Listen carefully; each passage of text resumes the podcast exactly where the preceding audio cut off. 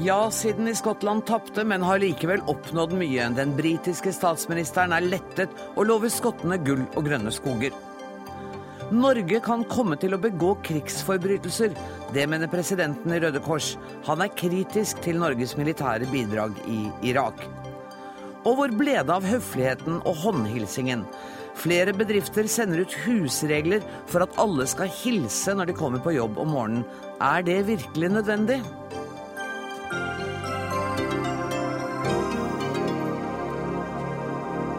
Vel møtt til fredagsutgaven av Dagsnytt 18, der vi også skal møte Asbjørn Jacklin, som har skrevet kriminalroman om den kalde krigen. Men først. As I said during the campaign, it would have broken my heart to see our United Kingdom come to an end. And I know that that sentiment was shared by people not just across our country, but also around the world, because of what we've achieved together in the past and what we can do together in the future. So now it is time for our United Kingdom to come together and to move forward. Det sa statsminister David Cameron da han møtte pressen utenfor Downing Street nummer 10 tidligere i dag. Nå starter forhandlingene om Skottlands framtid i Storbritannia. Og eh, korrespondent Espen Aas, du er fortsatt i Skottland, nærmere bestemt i parlamentsbygningen i Edinburgh. Hvordan har reaksjonen hos ja-siden vært i dag?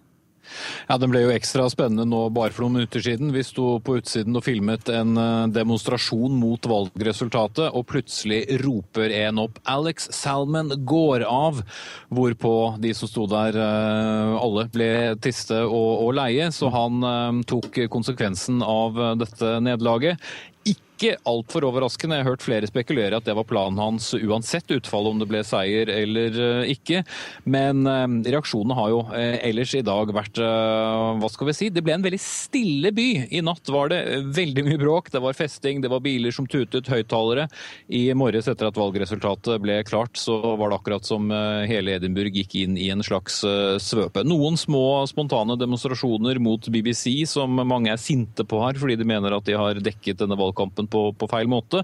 Og noen mener også at opptellingen ikke har gått riktig for seg. Det er vel ikke så uvanlig for så vidt når det gjelder eh, valg, men mange snakker om hvordan skal vi nå komme oss videre sammen, og det er jo et åpent spørsmål. Det har vært mye aggresjon. Ja, nettopp det der med hvordan skal de komme seg sammen videre. Er, har du inntrykk av at det er et splittet folk nå? Edinburgh er en by hvor nei-flertallet har ligget an uh, lenge. Uh, men det er klart det er mange som er irritert på, på ja-siden. Det er fortsatt mye skepsis mot London og hvorvidt David Cameron faktisk kommer til å få gjennomslaget for dette. De følte at de ble lovet mer enn de fikk den gangen på slutten av 90-tallet også, da de fikk uh, sitt eget selvstyre. så verken de konservative eller regjeringen som sådan er spesielt populære her oppe. Den eldste vitsen gjennom hele denne valgkampen har jo vært at de har flere panner pandaer i den zoologiske hagen enn de har eh, folkevalgte konservative fra Skottland. Espen, jeg vet ikke hvor god tid du har, du skal sikkert til Dagsrevyen også, men hvis du har tid, så heng med oss. Eh, for her i studio har jeg Per Edgar Kokkvold, tidligere generalsekretær i Norsk Presseforbund og Storbritannia-kjenner. Hvordan reagerte du på resultatet? Jeg går ut fra at det ikke var overraskende for deg, eller? Ja, man var jo spent. Ja. All grunn til å være det. Ja. Um, håpet du på et ja? Jeg håpet på et nei. Ikke, ikke, bare for Storbritannias skyld, men, men ikke minst for, uh, for, Skottlands skyld. For jeg tror ikke at uh, selvstendigheten som, som uh, Salmon trodde på, er bærekraftig. Hvorfor skulle den ikke være det?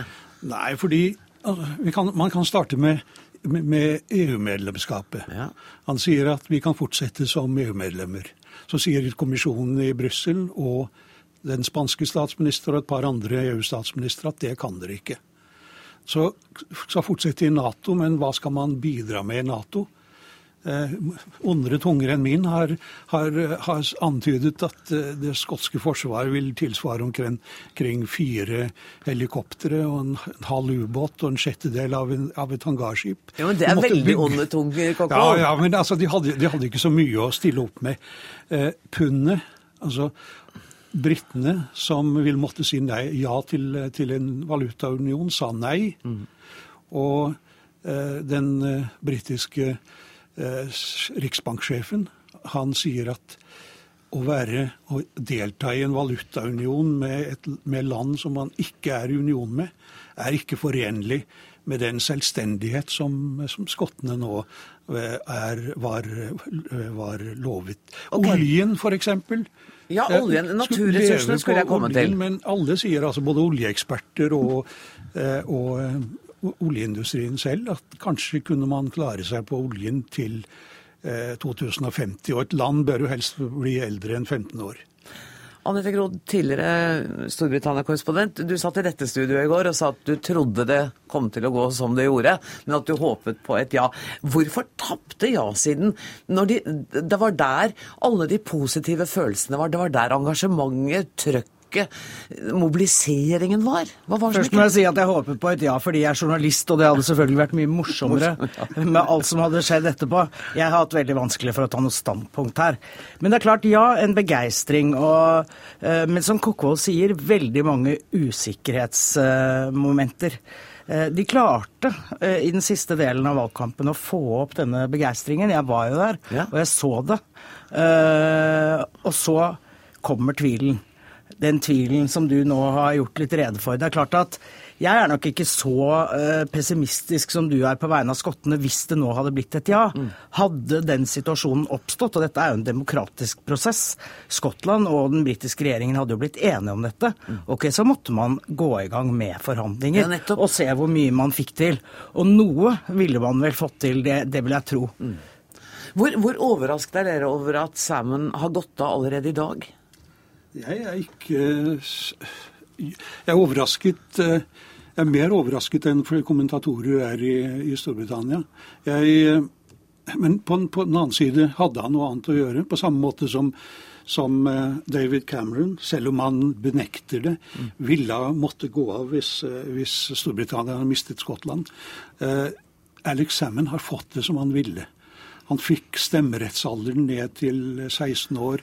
Han fikk presentert det spørsmålet han ønsket å stille. Eh, det som var aller lettest å svare ja på. Mm. Vil du at Skottland skal bli en selvstendig nasjon? Spørsmålet kunne ha blitt et annet. Altså, Vil du at Skottland skal gå ut av Storbritannia? Mm. Eh, et helt annet type spørsmål. Han fikk det som han ville. Han har gjort en kjempejobb. Han er en strålende kommunikator. Og, og en stor politisk stor figur. Ja. Altså, jeg er overrasket over at han gikk så fort som i dag, faktisk. Mm. Men jeg har beskrevet ham som en vinner i dag på mange områder. Ja, det så jeg. Fordi han har jo, Det er jo han som har vært en veldig sterk drivkraft bak denne skotske uavhengighetskampen. Og, og den har jo ført til veldig mye. Eh, selv om det ble nei, så har det altså blitt en politisk diskusjon i, i Skottland og en politisk samtale blant skottene mm. som er bred. Det var altså en valgoppslutning på nesten 85% Det har ikke skjedd før, skjedd før i Skottland, og skjer jo nesten ikke i demokratiske land. Dessuten så har han jo nå oppnådd at de kommer til å få større selvstyre. Cameron lovet at han hadde hørt på dem, og at, eh, at de skulle få mer. Dessuten har han klart å spre denne debatten til resten av Storbritannia. Sure walisere har sagt at hvorfor skal de få det, og, og i Nord-England sier de stakkars oss, vi har ikke noe selvstyre. og så kommer da Cameron i dag med at også de skal få et større selvstyre. Sånn at dette er blitt en stor debatt om unionen, mm. og den kommer til å avstedkomme reformer. Det er eh, Alex Sammons virkelig store seier, syns jeg. Mm. Espen Aas, det er vel riktig, jeg håper du fortsatt er med oss. Jeg er med. Ja, eh, Det er vel riktig det at, at eh, Storbritannia som vi har kjent det til nå, det eksisterer ikke lenger etter i dag? Nei, det kommer til å bli helt annerledes. Og der har ikke Cameron noe valg, fordi mange av hans partifeller var veldig raskt ute og advare mot å gi skottene mer makt da dette ble kjent før valgkampen. Og umiddelbart begynte de å snakke om at nå må det være slutt på at skotter skal få lov til å bestemme over hva vi engelskmenn gjør og ikke gjør, mens vi ikke får lov til å ta del i så mange av de skotske sakene. Og For litt over en uke siden møtte jeg de som leder en kampanje for et eget engelsk parlament. De er jo det eneste som ikke har har det, kan du si, av de fire landene. Og de har nok fått veldig vind i seilene etter dette. Cameron sitter ikke fryktelig trygt eh, nødvendigvis, selv om han klarte å stå denne av. Det er landsmøte i det konservative partiet om ikke så lenge, og jeg skal ikke se bort fra at han kommer til å få noen verbale salver fra talerstolen der. Og skal ikke se bort fra at vi kommer til å møtes i dette studioet enda. Tusen takk for at dere var med i Dagsnytt 18, Espen Aas, Anette Groth og Per Edgar Kokkvold.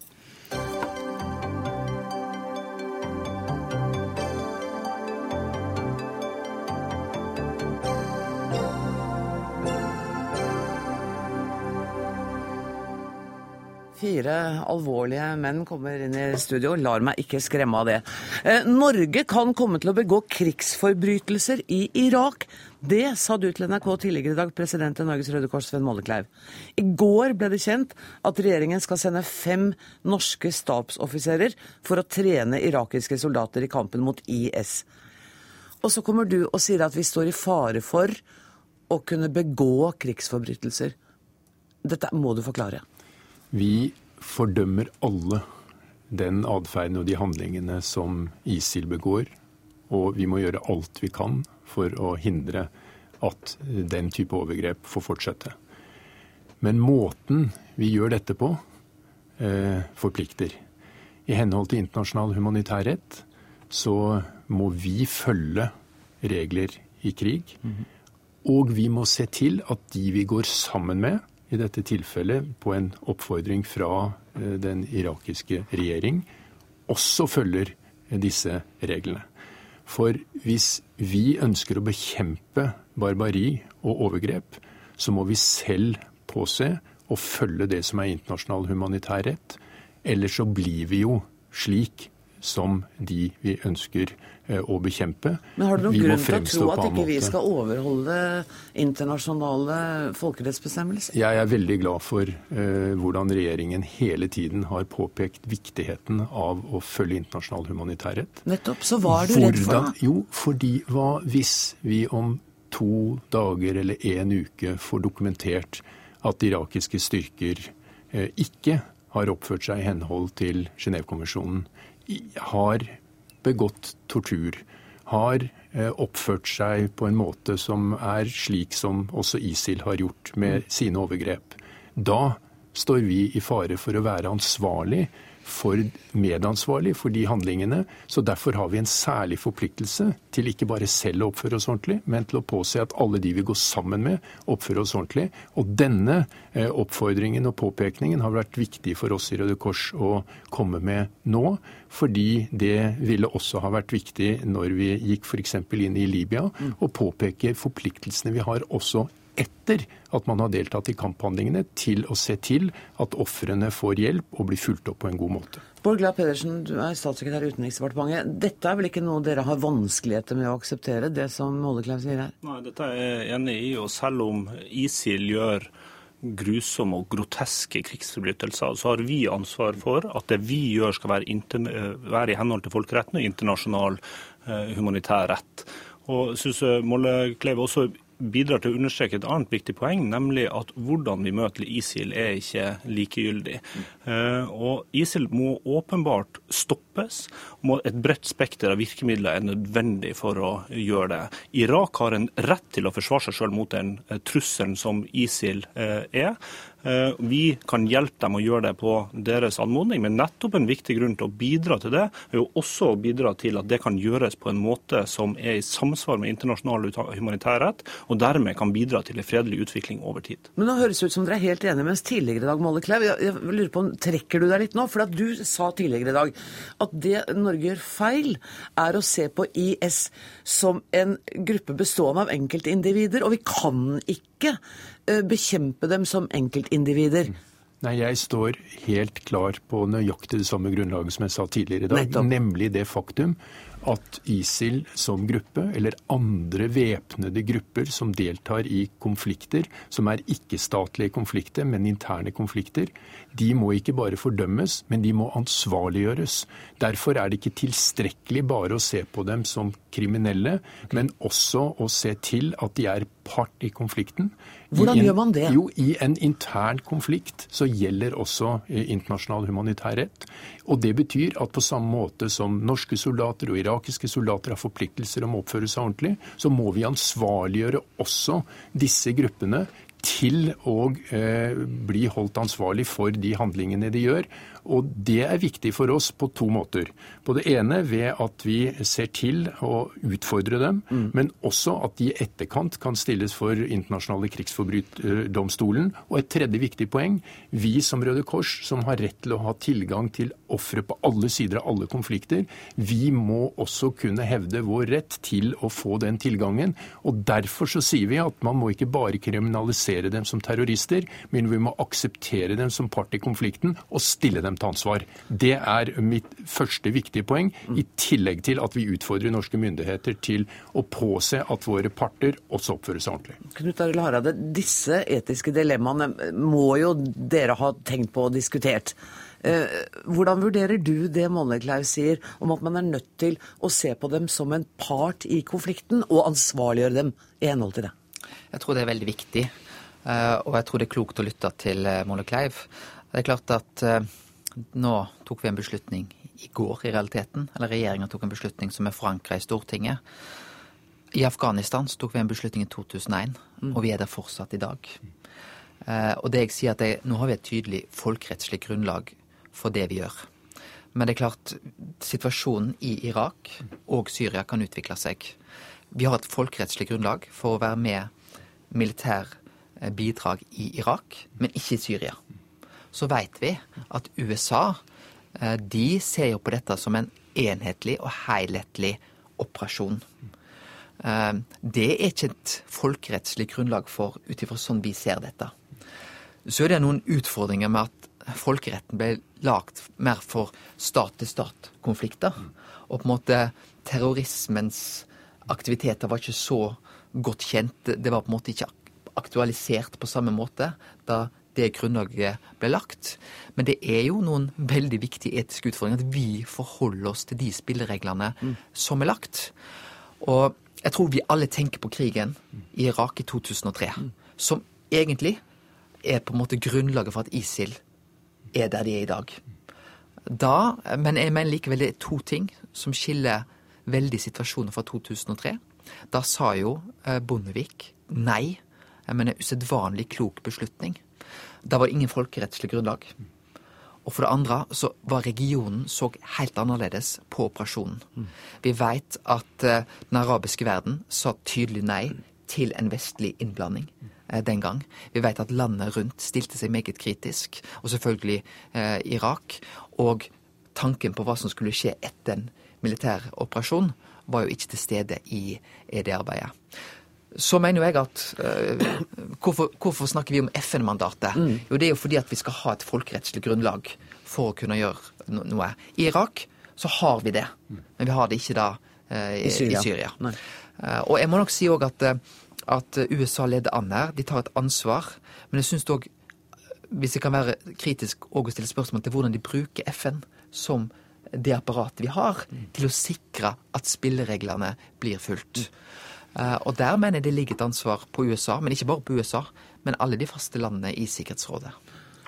USA har jo formannskapet i Sikkerhetsrådet eh, nå, og det møtet i dag som utenriksminister Kerry er vert for, og der eh, Børge Brende eh, deltar. Og Det møtet i seg selv er positivt for at det bidrar til å bygge internasjonal støtte til det som gjøres. Og Det som vil være utenriksminister Brendes viktigste budskap, tror jeg dere vil nikke anerkjennende til.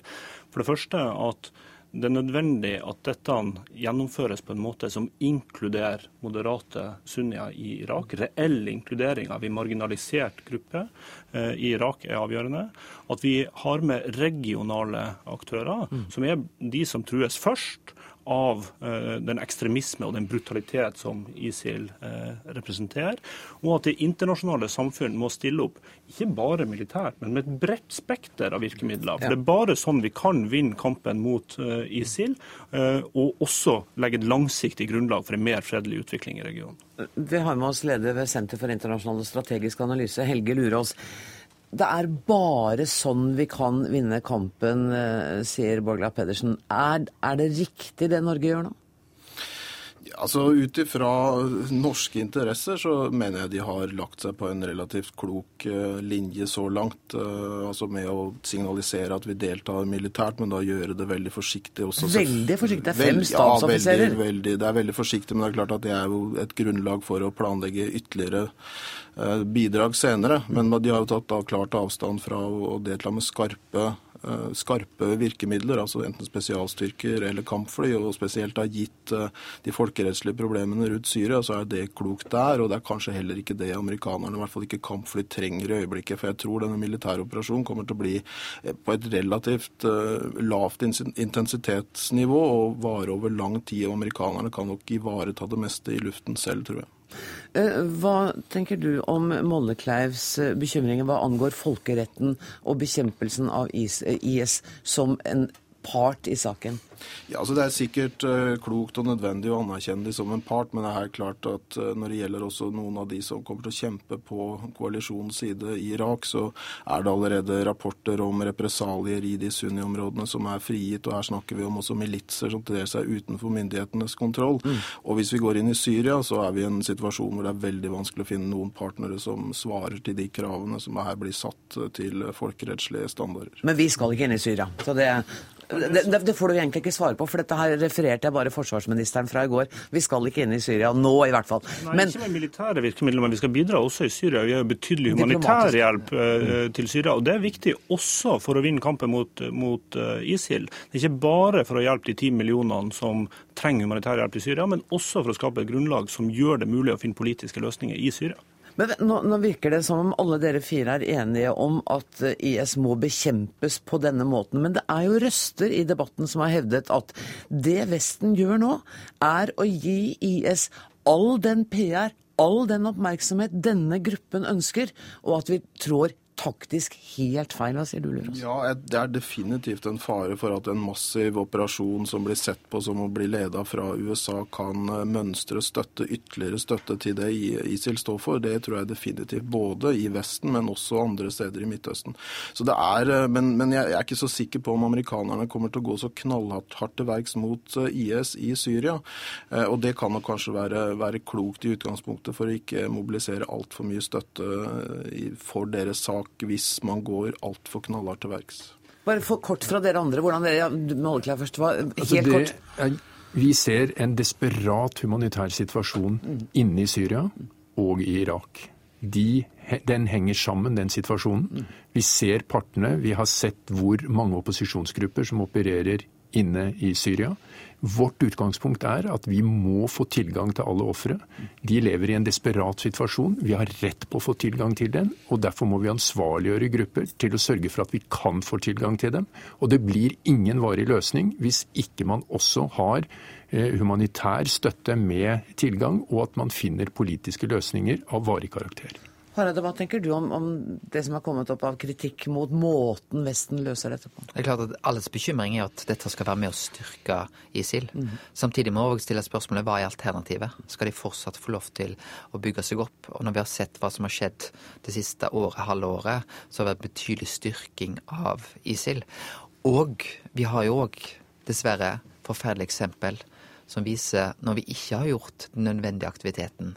Altså Ravanda. 94, viser jo òg hvor galt det kan gå uten at vi involverer oss. Så det er nettopp den vanskeligheten. Men da å følge de spillereglene som vi sjøl har satt, det blir usedvanlig viktig. Jeg kan få ta to poeng. Det første poenget er at vi må ikke få en debatt der det blir sånn at den som er for mest militære virkemidler, er mest imot ISIL. Nettopp. ISIL eh, må bekjempes, det er alle enige om. Militære virkemidler er nødvendig i den sammenhengen, men det må også brukes andre virkemidler. og Det er ikke uvesentlig hvordan militærmakten eh, utøves. I Irak er det de har rett til å forsvare seg, og det er godt folkerettslig dekning for at det internasjonale samfunn kan stille opp og uh, støtte dem i det. Det er det ene poenget mitt. Det andre poenget mitt er at jeg har vært i Washington denne uka i dialog med amerikanske myndigheter om disse uh, spørsmålene. Og Også amerikanske myndigheter understreker jo dette.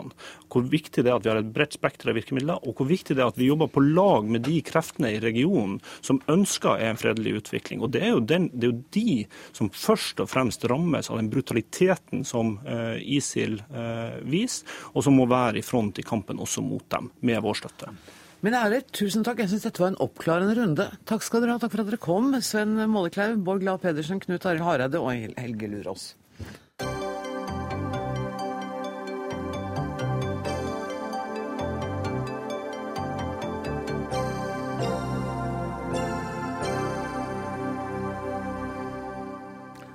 Da skal vi til Russland, der president Vladimir Putin har kalt inn til et møte i landets sikkerhetsråd for å diskutere muligheten for å legge begrensninger på internett. Ifølge den anerkjente næringslivsavisen Vedomosti foreslår Putin bl.a. å koble Russland fra internett ved nødsituasjoner. Og assisterende generalsekretær i Helsingforskomiteen Gunnar Ekeløve Slydal, hva mener du om dette forslaget?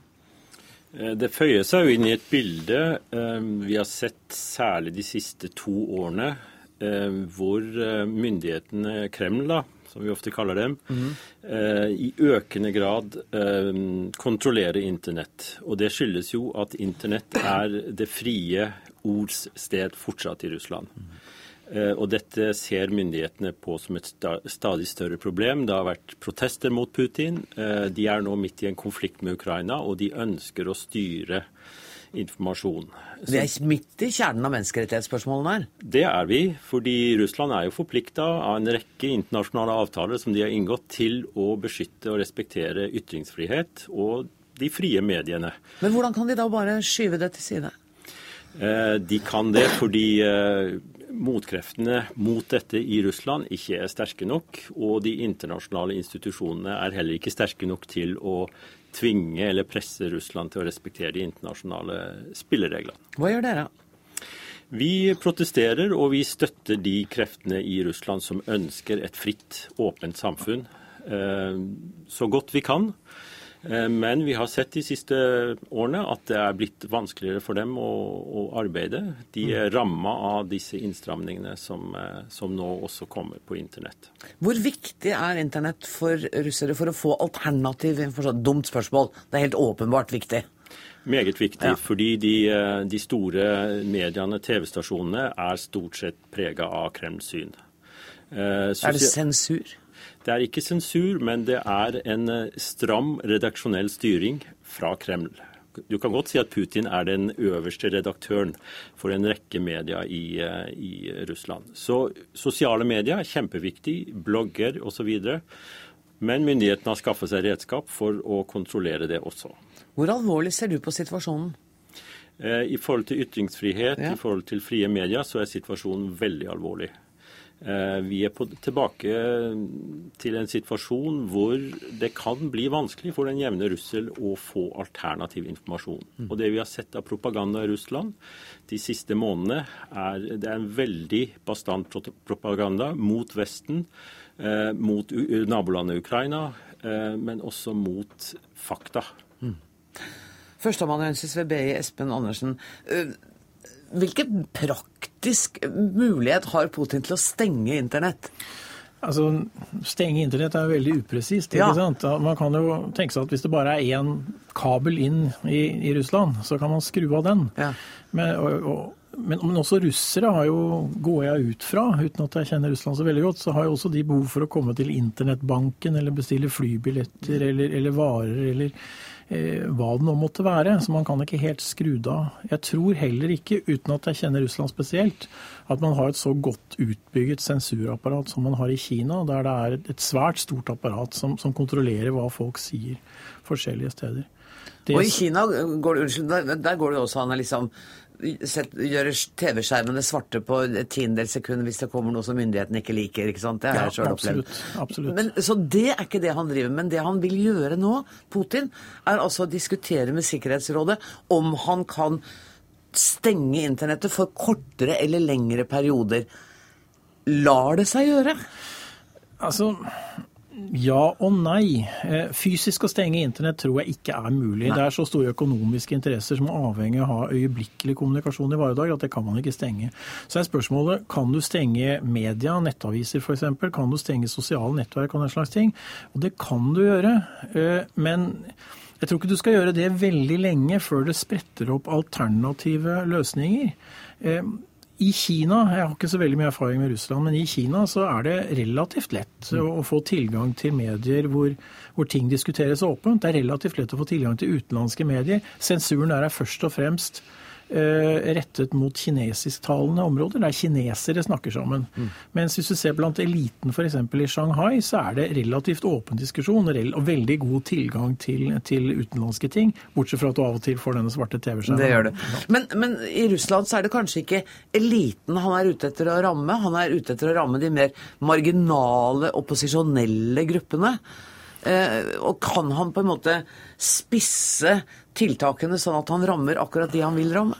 Altså, Igjen, Jeg er ikke veldig kjent med hva som skjer i Russland. Nei, lek at det er Kina vi snakker om. Ja, men Det jeg har sett her, sånn, ikke sant, er at i Russland så er det mer snakk om at han har fått noen investorer som er hans venner, til å do, dominere den, den, lokale Facebooken som finnes der. sånn, At, eh, at man innfører lover som gjør at uh, utenlandske selskaper som opererer her, blir nødt til å overlevere nye, uh, informasjon til myndighetene og en, og en, del sånne ting. For meg så ser det ut som det er en ganske stor forskjell fra, fra Kina i det at hele dette enorme apparatet for detaljert å følge med på hva folk sier eh, i sosiale medier og sånn, ikke er stablet på beina ennå. Og at det virker som han eh, ut fra det dere sier, er i ferd med å, å, skaffe seg en slags juridisk oppbygning for å gjøre det. Mm. Eh, mens i Kina så trenger faktisk ikke partiet noe som helst juridisk oppbygging for å gjøre noe som helst. De bare gjør det. Eh, eh, men dette er jo nesten litt gode nyheter, at, at det er ikke sikkert at alt ligger til rette for at han kan gjøre det bare så der. Nei, Det tror jeg er riktig. Han møter mange hindringer, og sikkert også tekniske hindringer. Men det er illevarslende at han har sånne planer, mm. og at han vil diskutere i Sikkerhetsrådet og kanskje presse operatører til å ha en beredskap for å stenge ned ting.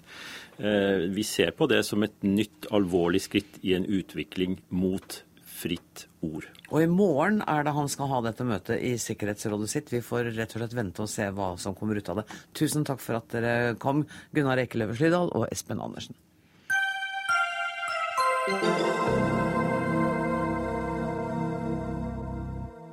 Og det skal nesten handle litt om Russland en stund til. For hvor viktig var nordområdene for Nato på begynnelsen av 80-tallet? Var Norge virkelig i nærheten av krig som var langt fra kald? Hva skjedde med Tvinn Otteren som styrtet sørøst for Gamvik i 1982? Og hvorfor er disse spørsmålene aktuelle i en krim i dag? Asbjørn Jaklin, du er forfatter av boka Rød sone. Den føltes som om den angikk meg i dag da jeg leste den. Det var veldig både hyggelig og eh, litt uhyggelig å høre.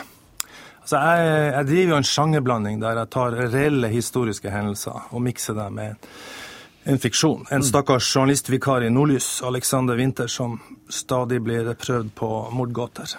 Eh, og eh, jeg lar denne sangen til Åge Aleksandersen, 'Leva livet', spille en rolle. For den går jo sånn Jeg syns atomkrig er for jævlig, men at høsten kan være fin. Eh, og nå er jo høsten fin, men vi har jo denne uroen over hva som skal eh, skje i Europa, tilbake. Som denne her sangen som tar tidsånden på 80-tallet. Dette ubehaget. Mm. Så men, mens den her er blitt produsert, så er den jo blitt uh, uhyggelig aktualisert av ny uro i Europa igjen. Ja, for jeg hørte, vet ikke om Du hørte det forrige innslaget, hvor vi snakka om ytringsfriheten i Russland. Det hørte jeg ikke. Nei, det begynner, Nei. Å, det begynner, Å, ligne på ting som du beskriver i boka di. Og, og, du sier at du driver en sjangerblanding, og det kan man trygt si, for det ligger enormt researcharbeid bak den krimmen. Dette er ikke en lettvint krim som du har sittet på skrivestua di og snekra sammen. Men jeg, for meg som ikke er ekspert på dette, ja. så tenker jeg at det noen ganger er vanskelig å vite er den figuren en fiksjon, eller har han levd? Altså, jeg har uh, under tvil lagd et etterord der jeg klargjør grovt sett hva som er faktiske hendelser og hva som er fiksjon. Mm. Fordi at i, i, denne settingen så er jo uh, fakta og virkeligheten faktisk mer dramatisk enn du kan klare å dikte opp på hytta. Mm. På spørsmålet om hvor, hvor, viktig nordområdene var for Nato, mm. så er det jo svært viktig. Altså, vi snakker jo om en av de mest militariserte regioner i Europa på denne tida. Det er endeløse kolonner av tanks. Det er så store Nato-øvelser at de ligner faktiske krigsforberedelser. Og folk blir vant til å se disse svære krigsflyene fyke over luft, i lufta. Ja, vi trodde jo det skulle være sånn. Altså, den, denne, Dette coveret her tar jo på en måte ja. det hele på kornet med eh, jagerfly, nordnorske fjell og en eh, kvinnehånd i sneen. Mm. Så eh, eh, på spørsmålet om hvorvidt det er ny aktualitet, så er det jo en ny kald krig. Men det er jo klart at det er ikke den samme gamle kalde krigen. Altså, Tyskland er jo ikke lenger delt. Eh, og Warszawapakten er jo eh, rigga ned. Og Det er jo eh, faktisk også en del av problemet nå, at det er uro rundt de tidligere Warszawapakt-landene, hvor de går hen sikkerhetspolitisk. Og det veit man ikke. Men, men, du skriver også om Mehamn-ulykken. Ja. Eh, og jeg leste med interesse og tenkte at her, nå kommer det en helt knallsikker teori om hva som skjedde. Eh, det gjør det vel ikke. Eh, må vel røpe såpass mye. Uh, jeg kan ikke svare fullstendig av hensyn til plottet. Men, det skjønner jeg. Men eh, Mehamn-ulykka er jo en av flere mystiske ulykker som skjer i dette klimaet. Dette veldig tilpissa klimaet. og det er mystiske skipsforlis, det er mystiske lys på fjorden, det er motordur der det ikke skulle være det, det er hemmelighold. Fredelige skogvoktere blir putta inn i Stay Behind-gruppe. Det er jo helt utrolig å tenke på alt dette eh, som har vært i så nær fortid. Hvor har du gjort researchen din? Altså, Jeg har jo omhandla de her tingene i dokumentarbøker tidligere, mm. både om kald krig og, og, og, andre verdenskrig. Det vet jeg, men du må ha gjort mye ny research til denne boka?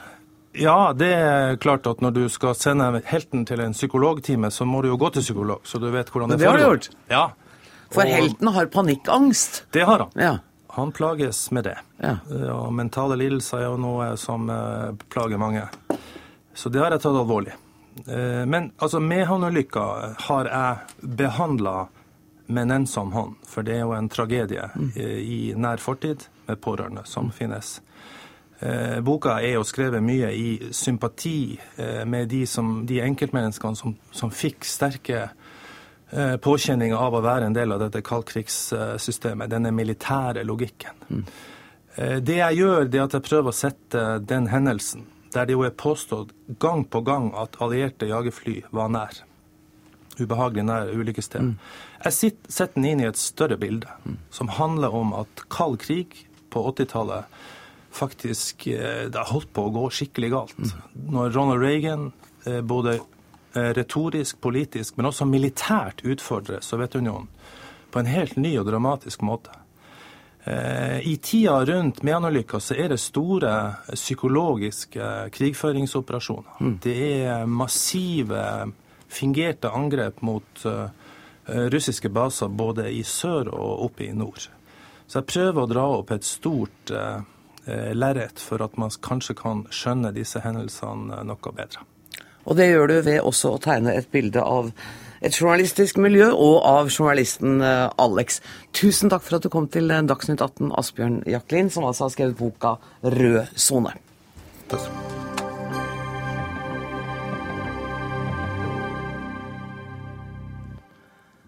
Fra nok plasser til nok gode plasser.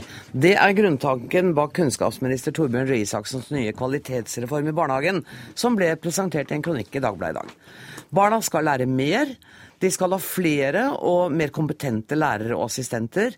Et minstekrav er at alle skal kunne norsk før de begynner på skolen. Og det skal lovfestes at foreldre skal få vite mer om barnehagen sin, og dermed få mer innflytelse. Og hver ansatt skal ha ansvaret for et maks antall barn. Torbjørn Røe Isaksen, kunnskapsminister, dette var ikke snaut? Eh, nei, men eh, det er jo et ganske viktig løft. da. Eh, er det, det er viktig også med tilgjengelighet og at vi har nok plasser, men, men jeg syns vi har snakket for lite om hva er det som møter barna våre når vi sender dem i barnehagen. Eh, barnehagen skal være et trygt sted, det skal være et sted hvor du har et mykt fang å krype opp i. Men det skal også være et sted som stimulerer barna, hvor barna lærer. Mm. Det gjør de jo i barnehagen i dag, men vi vil kanskje vite litt mer om hva de lærer. Det skal være et sted hvor du møter kvalifisert personale. Og da er det et problem at i dag så har vi en manko på 4400 barnehagelærere i sektoren. Det, det, er barnehagelærere der ute, det er bare at de jobber ikke i barnehagene våre. Og Da må vi gjøre noe med det. Så Det er derfor jeg sier at vi er nødt til å jobbe systematisk og skrittvis framover for å heve kvaliteten på barnehagene. Men du, det er ikke helt gratis dette her? Nei, det er ikke helt gratis, og jeg sier, vel heller, sier heller ikke at vi skal få til dette i løpet av ett år. Men fram til 2020 ca.? Ja, altså bemanningsnorm er, sier vi 2020. Det står i vår plattform, og det er, det er en senest-dato, ikke en kan ikke gjøres før-dato. Det tror jeg er fornuftig. Mm. Men så handler det om at vi må gjøre flere ting samtidig. Vi må ha flere barnehagelærere. Vi ønsker også å endre rammeplanen, altså tydeliggjøre innhold i barnehagen. Det skal ikke bli en skole, men det skal være et sted hvor barna, som i dag, kan leke, være nysgjerrige, men også lære. Gjøre det arbeidet mer systematisk. Og så må vi bruke barnehagen enda bedre eh, som språkopplæring. Eh, Jeg tror ikke på at vi skal ha noe, noe, kartlegging av absolutt alle barna i barnehagen, men vi trenger et system som fanger opp de som ikke lærer seg godt nok norsk. Mm. Det at femåringer eller seksåringer går over i skolen uten å kunne norsk, det gir dem en skeiv start i livet som vi må gjøre noe med. Rigmor Aasrud fra Arbeiderpartiet, heier du på dette forslaget? Ja, for det er akkurat det som ble vedtatt i barnehagemeldinga for ett år siden. Og da la vi også fram en kompetanseplan med alle de tiltakene som Røe Isaksen her refererer. Så Har han stjålet deres plan? Ja, altså Det er jo veldig flott at han følger opp de planene som ble lagt uh, for oss. Uh, for der er vi enige om Jeg hørte ingenting av det Røe Isaksen her sa nå som ikke står i den planen her. Så her er vi helt på linje med Røe Isaksen. Her er det bare å følge opp. Dette blir kveldens korteste samtale. Jeg må bare høre med Steffen Handal også i Utdanningsforbundet. Er du like fornøyd? For da kan dere liksom snart gå. Ja. Ja da, det, det, er musikk i mine ører når statsråden snakker nå. Ja, men du står all verden, da. Jeg har lyst til å si at det som, er, det som er det viktigste her, det er at statsråden anerkjenner at barnehagen er nå en del av utdanningsløpet.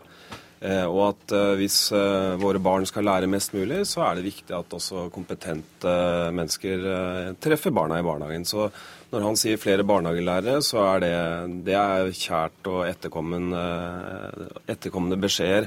Men har ikke dere og, varsla For han sier jo også at det mangler var det 4400 barnehagelærere. Har ikke dere følt noe ansvar for å rope et varsku om det?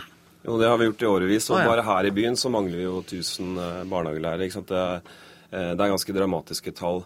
Og samtidig så er det interessant å, å, se for seg her at her sitter du med en minister fra Høyre som snakker om kunnskap i barnehagen, og så sitter Arbeiderpartiet her. Og representanten deres sitter i familie- og kulturkomiteen.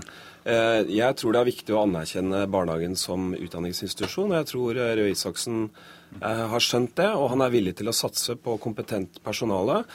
Og han er også borer i en veldig interessant eh, diskusjon, nemlig hva læring i barnehagen skal være. Mm. Og Da er det denne balansen mellom å anerkjenne at barnet skal få være der og dyrke sine interesser, eh, opp mot det, det, behovet som vi voksne har om at barna skal lære mer. Og de, de som behersker den balansen best, det er barnehagelærerne. Og det er de vi må satse på, og det er det Røe Isaksen har skjønt. Han har skjønt det når det gjelder skole, vi må satse på lærerne.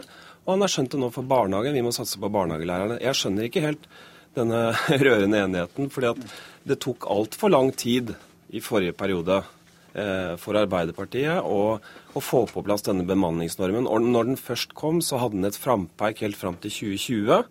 Eh, det er å skyve problemene foran seg. Så jeg, er enig med Røe Isaksen. Det haster med å få nok barnehagelærere på plass. Dette kunne Aasrud gjort for lenge siden. Og de 4400 som vi mangler i barnehagen, kunne dere også ha begynt å rydde opp i? Ja, da kommer vi mange flere, og det er veldig bra. Eh, etter at vi la penger inn i reformen, så registrerer jeg også at uh, Røe Isaksen prater om 2020. Men vi er enige om at det er behov for et kompetanseløft i barnehagen. og Derfor har vi lagt inn mye penger også til det i den åtteårsperioden som vi satt der. Vi la inn 150 millioner kroner mer, så nå er vi oppe på 200 millioner for å styrke kompetansen i barnehagene. Røe Isaksen la inn 10 millioner ekstra, så han uh, må forte seg hvis han skal holde samme tempo som vi er. Men så har jeg også lyst på å si at det er noen menn i det som uh, nå presenteres. For det i Dagbladet i dag så sier Røe Isaksen at for mange er barnehager bare en oppbevaringsplass. Ikke sant? Og det er jeg ikke enig i. Det er veldig mange gode barnehager i dag. Folk som jobber i barnehagene driver ikke med avansert oppbevaring. De gir god omsorg, og de gir god læring. Og det er sånn at de fleste foreldre er veldig godt fornøyd med barnehagen. Men er ikke problemet at det er stor variasjon? på kvaliteten av barnehagene? Jo, og det er helt riktig. Og hvis vi skal få på plass eh, bedre kvalitet og i alle barnehagene våre, så er vi nødt til å ha gode opplæringsprogrammer, mer kompetanseprogrammer, sånn som vi har starta på. Så dere derfor... kommer til å heie på dette når ja, han går til Stortinget? Ja, jeg har store forventninger til det Røe Isaksen nå skal legge fram. Men så har jeg også et annet men. For det er jo litt sånn at uh, det er viktig at vi har god, god, eh, kompetanse og god kvalitet i de barnehagene som er der. Men jammen er det viktig at vi har barnehagetilbud også til de unga som ikke får barnehage, og som står i kø. Og det er jo 7000 barnehageplasser som den eh, blå-blå regjeringa kutter nå. Og det er jo alvorlig for de foreldra som nå står i kø og ikke har et tilbud til unga sine. Det kan vi diskutere en annen gang. I dag ja. snakker vi om hvis, dette til hvis jeg kan forslaget. Ta, ta, litt forskjellige elementer. Altså, ja. For det første så er disse 7000 plassene det er talltull. Uh, og jeg må nok også også si til, jeg må også, også, si, må også si til Steffen at ja, vi også sier jo 2020 på bemanningsnorm. Og så er det jo sånn at, Men jeg sier at det er, ikke, det er jo ikke sånn at vi må vente til 2020. Nei, det eh, så det er en senest dato. Ja.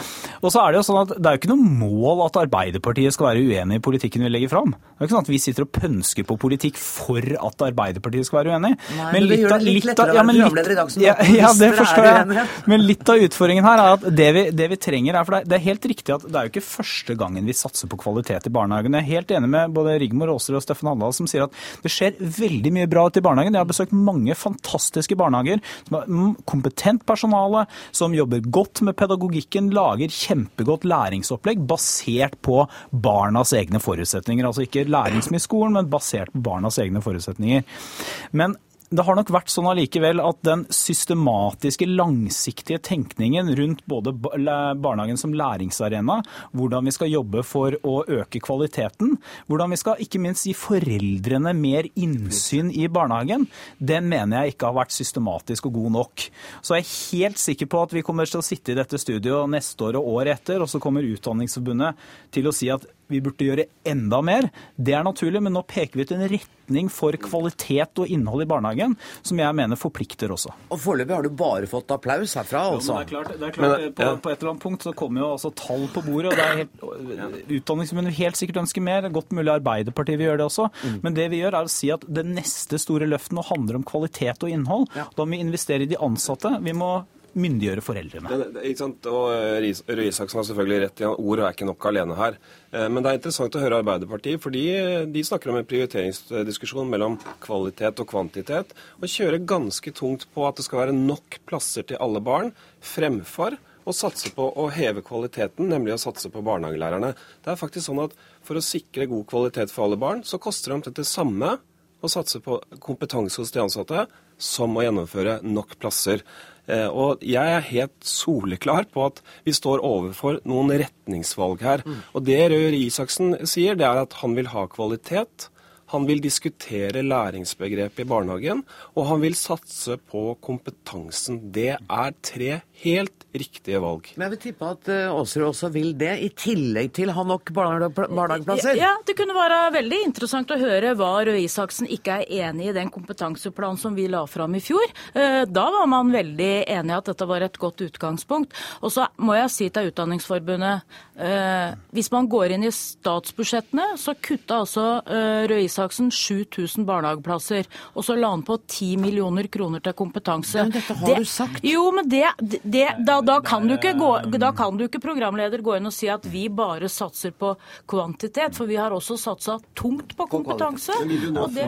vil, du nå, gå vekk fra den politikken der dere vil satse på løpende opptak, f.eks.? Nei, vi, vil, vi vil, har ikke satsa på løpende opptak. Nei, vi har sagt at vi vil ha to opptak, barnehageopptak i året. Ja, vi... Og det er viktig for de barna som ikke har barnehageplass. Nei, men stille dere, Den diskusjonen har jeg ikke invitert dere til i dag. Ja. Den kan vi ta en annen dag. Men programleder henger også sammen. Det er klart det henger sammen. Vi er noen ganger er vi nødt til å sortere litt. Og i dag handler det om kvalitetskriteriene i barnehagen. Mm. Og sånn som jeg oppfatter dere, så heier alle på Torbjørn Røe Isaksen. Og så får dere heller komme tilbake og kjefte den dagen. Det går helt gærent. Det, det kommer nok ikke til å vare. Da er vi veldig spent på statsbudsjettet, for det er jo da Røe Isaksen viser fram hvor mye penger han legger inn for å følge opp den kompetansereformen han varsler. Og kanskje får dere lov å komme tilbake. Ikke vær grei.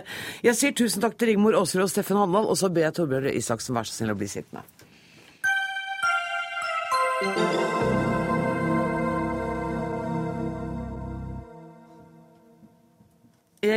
så burde jeg nå reise meg og håndhilse på de neste gjestene. For vi har blitt for slappe med håndtrykket her til lands. Det kan vi lese i Aftenposten i dag. Ikke bare hilser vi sjeldnere på folk med hånden, men vi er så late at flere bedrifter nå sender ut husregler for at alle skal hilse når de kommer på jobb om morgenen. Hilser du på kollegene dine når du kommer på jobb, Torbjørn Røe? Jeg gjør det, men jeg hilser ikke i hånden. Nei. Jeg håndhilser ikke på alle. Det gjør jeg ikke. Men du sier hei når du kommer på jobben. Ja, vet du hva? Jeg, jeg syns det er normal høflighet å hilse på alle, jeg. Ja. Eh, Fra, fra de som sitter i resepsjonen til eh, de som rengjør til de ansatte, selvfølgelig. Jeg husker veldig godt en historie en, en som satt i resepsjonen på Høyres hus, fortalte meg for noen år siden. Hun fortalte at da David Cameron kom på besøk på Høyres hus, så gikk han rett bort til, eh, til resepsjonisten på Høyres hus og tok henne i hånden og presenterte seg.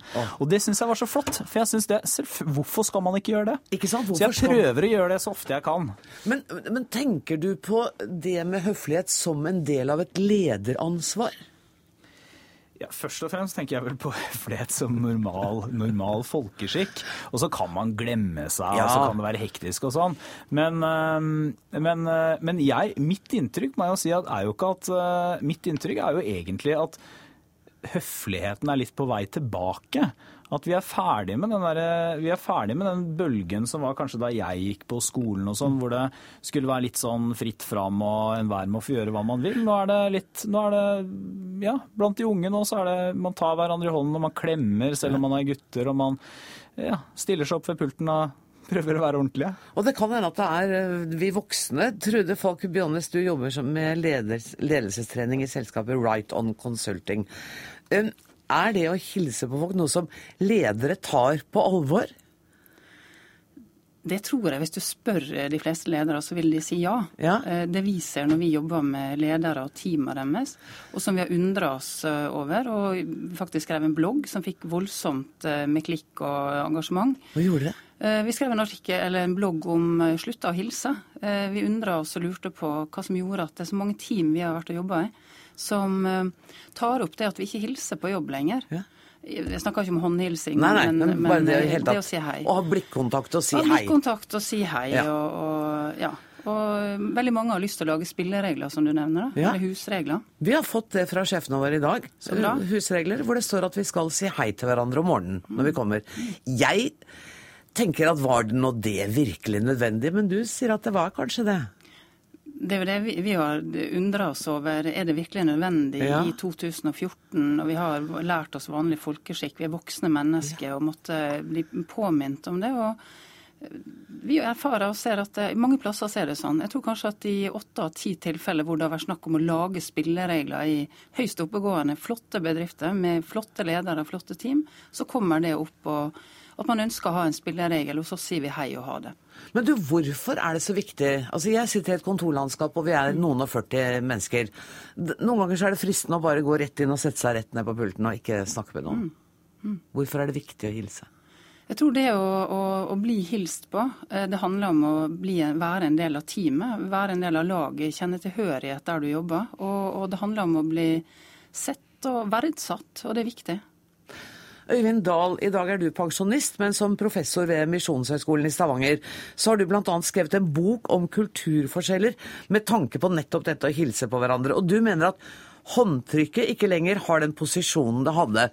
Men gjør det noe? Ja, jeg, som du sa, jeg, nå er jeg blitt pensjonist, har Ja. passert i 70. Og, og, og da kan jeg jo tenke tilbake på den gangen da jeg var barn eller eh, ungdom. Og jeg mener å huske at vi hilste mye mer. Altså vi tok hverandre i hånden. Og, og, og bare tenk på en sånn ting eh, som jeg husker fra min oppvekst. Man lettet på hatten. Men hvor er det blitt av hatten? Savner du den? Ja, men det var noe med, med at man, man hilste på en tydelig måte. Eh, Og man tok hverandre i hendene, men i dag ser jeg sjelden at man tar hverandre i hendene. Hvis vi skal ta hverandre i hendene, så er det en mer sånn høytidelig ting. F.eks. at vi, vi presenterer hverandre, eller vi sier navnet og, og tar hverandre. Da tar vi hverandre i hendene. Men ellers så er det sånn som eh, vi hørte nå nettopp fra, fra eh, Trude Falk Bjårdnes, at vi sier hei og ha det. Det er nokså degenerert slik. Du har reist veldig mye i jobben din. Ja. Hvordan takler du å møte andre hilsekulturer? Ja, det kan du si. Eh, det er jo et gammelt ord som sier 'when in Rome, do as the Romans do'. Når du er i Roma, så skal du gjøre slik som romerne. Og det pleier jeg å følge. Jeg har vært i India, jeg har vært i Kina, jeg har vært eh, på Madagaskar og rundt omkring i verden. Og da prøver jeg å observere og se hvordan andre mennesker hilser. Og så hermer jeg og gjør så godt jeg kan. Men det er jo ikke alltid at jeg treffer. For det er ikke så lett. Altså Bare tenk på slik som de hilser i Thailand. Der setter de håndflatene mot hverandre. Men, men, eh, vi kan sette håndflatene mot hverandre på forskjellige måter. Vi kan sette dem foran magen, vi kan sette dem foran brystet, vi kan sette dem helt opp ved ansiktet med tommelfingrene mot nesen. Og så skal du bøye deg litt frem. Og, og hvis du ikke gjør det, så, så viser du ikke den riktige respekten. Mm. Og Slik er det f.eks. også i Japan. Eh, du skal bukke, men hvordan skal du bukke? Er det 15 grader? Er det 30 grader? Skal du ha hendene langs siden? Eh, hvis de bukker veldig dypt, så har de hendene på knærne. Da, men så er spørsmålet hvor dypt skal du bukke? Hvor lenge? Hvor mange ganger? Og det er ikke så lett for en utlending å se. Selv om jeg er i Roma, så klarer jeg ikke alltid å gjøre seg slik som romerne. Nei. Torbjørn Isaksen, er dette noe du kjenner igjen fra dine reiser? Eh, ja, altså jeg har, jeg har, vært i Japan et par ganger, blant annet. Og der, der er det jo noen hilseritualer, og de leverer visittkortene med begge hender ja. og sånn. Så, så, det er klart det er viktig. Og så er det jo noen steder man ikke Det er uvanlig å ta f.eks. kvinner i hendene. Mm -hmm. Jeg syns i Norge så, så, burde, man, burde man nok håndhilse. Jeg tror de fleste anser det som en del av norsk kultur. Men når man er i Roma, da, så gjør man som romerne. Men jeg er litt usikker på om jeg er enig i premisset her, altså. For okay. jeg, jeg og dette blir jo Det er jo litt sånn anekdo... Alle har jo forskjellige erfaringer. Men jeg husker at uh, Mitt inntrykk er at uh, håndhilsingen kom tilbake til Norge en eller annen gang på 90-tallet blant ungdom. Og jeg tror man rett og slett, jeg tror man har sett på amerikanske TV-serier at der hilste man på hverandre. ja, men der er du inne på noe når du snakker om ungdom. Ja. Fordi jeg tror ungdommen har en, en uh, annen hilseskikk. Jeg ser jo f.eks. de har sånn 'give me five', og det går ut, og du klasker hendene mot hverandre, og så tar du pekefingeren og drar i, i, i, sånn. Så det er noe der. Og, og jeg tror det er, det er, noe med at man har behov for, for kroppskontakt kontakt òg. Eh, og, og, I Sør-Amerika så, så, hilser man jo skikkelig og klemmer hverandre og slår hverandre på ryggen og, og slik. Eh, så, så, det er noe med kontakt der som vi absolutt burde. Og jeg ser, altså jeg sa det at man håndhilser ikke lenger, men jeg ser noe som det blir mer av her i dette landet, tror jeg. Og det er klemming. Mm. Eh, fordi ja. da jeg vokste opp, så var, var det ikke ikke korrekt å klemme. Men, men eh, når jeg nå f.eks. treffer en, en, dame som jeg har hilst på før, men jeg bør vel helst ha hilst på henne før, da eh, kan jeg gå rett bort og så gi henne en, en kjapp klem. Altså, og, og, det er helt greit. Men du sa, du sa at, du ikke, at, folk ikke tok hverandre i hendene så mye lenger. Men jeg, for å stille et litt frekt spørsmål, jeg trodde det var sånn i, i mange kristne miljøer at man tok hverandre i hendene stadig vekk. Ja. Ikke, ikke det en del av kulturen, da, når man synger og priser og ja, det, jeg kjenner ikke akkurat de miljøene, men, men å ta hverandre i hendene, det, det gjør man jo. Og, og det men, men, dette med klemming altså, og, ta hverandre i hendene Jeg har jobbet i Frankrike. Og, og, da er det jo sånn at når man kommer om morgenen Jeg har jobbet på skole. og Da går man rundt til alle kollegene og sier 'bonjour monsieur', 'bonjour madame' osv. Helt rundt til alle sammen. Så går man ut og spiser. Uh, man skal jo ha en déjeuner på fransk, altså man skal ha en, en lunsj. Og så når man kommer tilbake, så er det samme runden igjen til kollegene. Og dette gikk jo sånn inn i, i meg at jeg, jeg, fikk det inn i hånden, for å si det slik. Sånn at når jeg kom tilbake til Norge, så gikk jo jeg og så hilste på folk. og da så de jo rart på meg. Du syntes at du var litt gæren? Ja, jeg syntes det var, var, helt tullete å gå rundt og ta folk i hånden. Trude Holt Bjørnnes, det skal vi kanskje ikke behøve å, å håndhilse både før og etter lunsj og alt det der. Men, men, det med å hilse som en del av lederutviklingen, blir lederne overrasket når de får høre hvor viktig vi vanlige folk syns det er at de hilser? De lederne vi møter, og der det her kommer opp som et tema, de blir ofte overraska over at det er en problemstilling. Og jeg tror, mange, jeg tror, rett og slett at det ofte er total ubetenksomhet.